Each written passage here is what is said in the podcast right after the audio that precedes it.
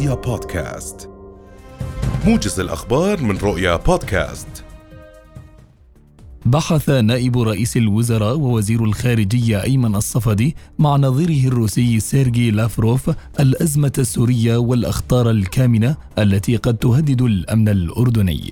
الصفدي وخلال مؤتمر صحفي أضاف أنه تمت مناقشة تواجد الميليشيات جنوب سوريا وقضية تهريب المخدرات وأكد أن الحل السياسي يخلص سوريا من الإرهاب ويهيئ ظروف العودة الطوعية للاجئين.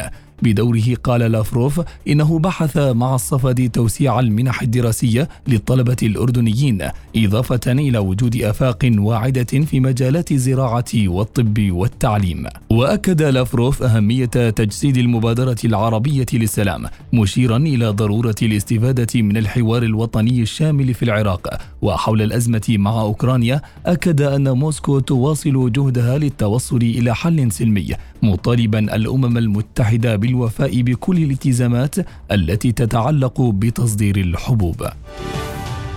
وقعت وزارة الطاقة اتفاقا مع شركة توليد الكهرباء المركزية يفضي إلى شراء محطة توليد كهرباء الريشة بمبلغ 550 ألف دينار. وبحسب وزير الطاقة والثروة المعدنية صالح الخرابشة فإن هذا الاتفاق سيحقق وفرا ماليا سنويا يتجاوز المليوني دينار.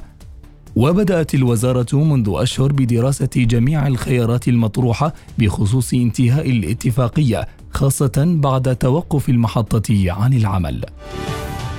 أكد إعلان الجزائر في ختام أعمال مجلس جامعة الدول العربية على مستوى القمة في الدورة الحادية والثلاثين على دعم الوصاية الهاشمية التاريخية لحماية المقدسات الإسلامية والمسيحية.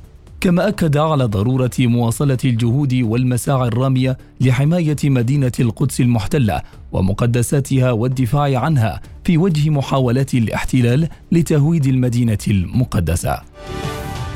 أعلنت وزارة الصحة الفلسطينية استشهاد فلسطيني فجر اليوم برصاص الاحتلال الإسرائيلي في بلدة بيت دقو شمال غرب القدس المحتلة. وقالت الوزارة إن المواطن داوود ريان والذي يبلغ من العمر 42 عاما أصيب برصاصة في القلب خلال مواجهة مع قوات الاحتلال الإسرائيلي عقب اقتحامها للبلدة. ويعتبر ريان الشهيد الثاني من بلدة بيت دوكو خلال 24 ساعة حيث استشهد أمس فلسطيني برصاص الاحتلال قرب حاجز عسكري غرب مدينة رام الله. دعت مجموعة الدعم الدولية للبنان أعضاء البرلمان اللبناني إلى انتخاب رئيس جديد للجمهورية دون إبطاء. وقالت المجموعة في بيان إنها تتابع بقلق استمرار عدم التعاون بين الجهات الفاعلة السياسية اللبنانية التي عجلت بحدوث فراغ رئاسي بحسب وصفها. وأضافت أن الفراغ يأتي في وقت يحتاج فيه لبنان بشدة إلى اتخاذ إجراءات سريعة وحاسمة لمعالجة أزماته الاقتصادية والمالية والإنسانية الوخيمة.